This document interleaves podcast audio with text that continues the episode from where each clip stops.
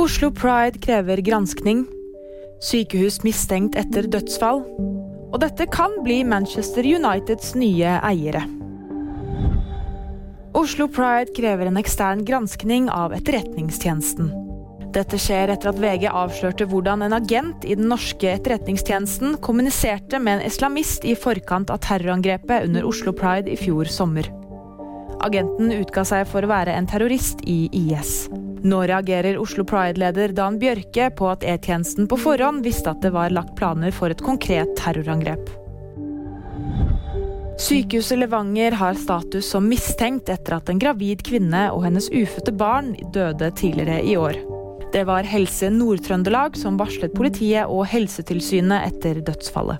Nå etterforsker politiet om kvinnen har fått forsvarlig helsehjelp. Qatar skal være klare til å by på fotballklubben Manchester United. Det har lenge vært rykter om at Qatar ønsker å kjøpe fotballklubben. Og ifølge nyhetsbyrået Bloomberg ventes det at de legger inn sitt bud i løpet av de neste dagene.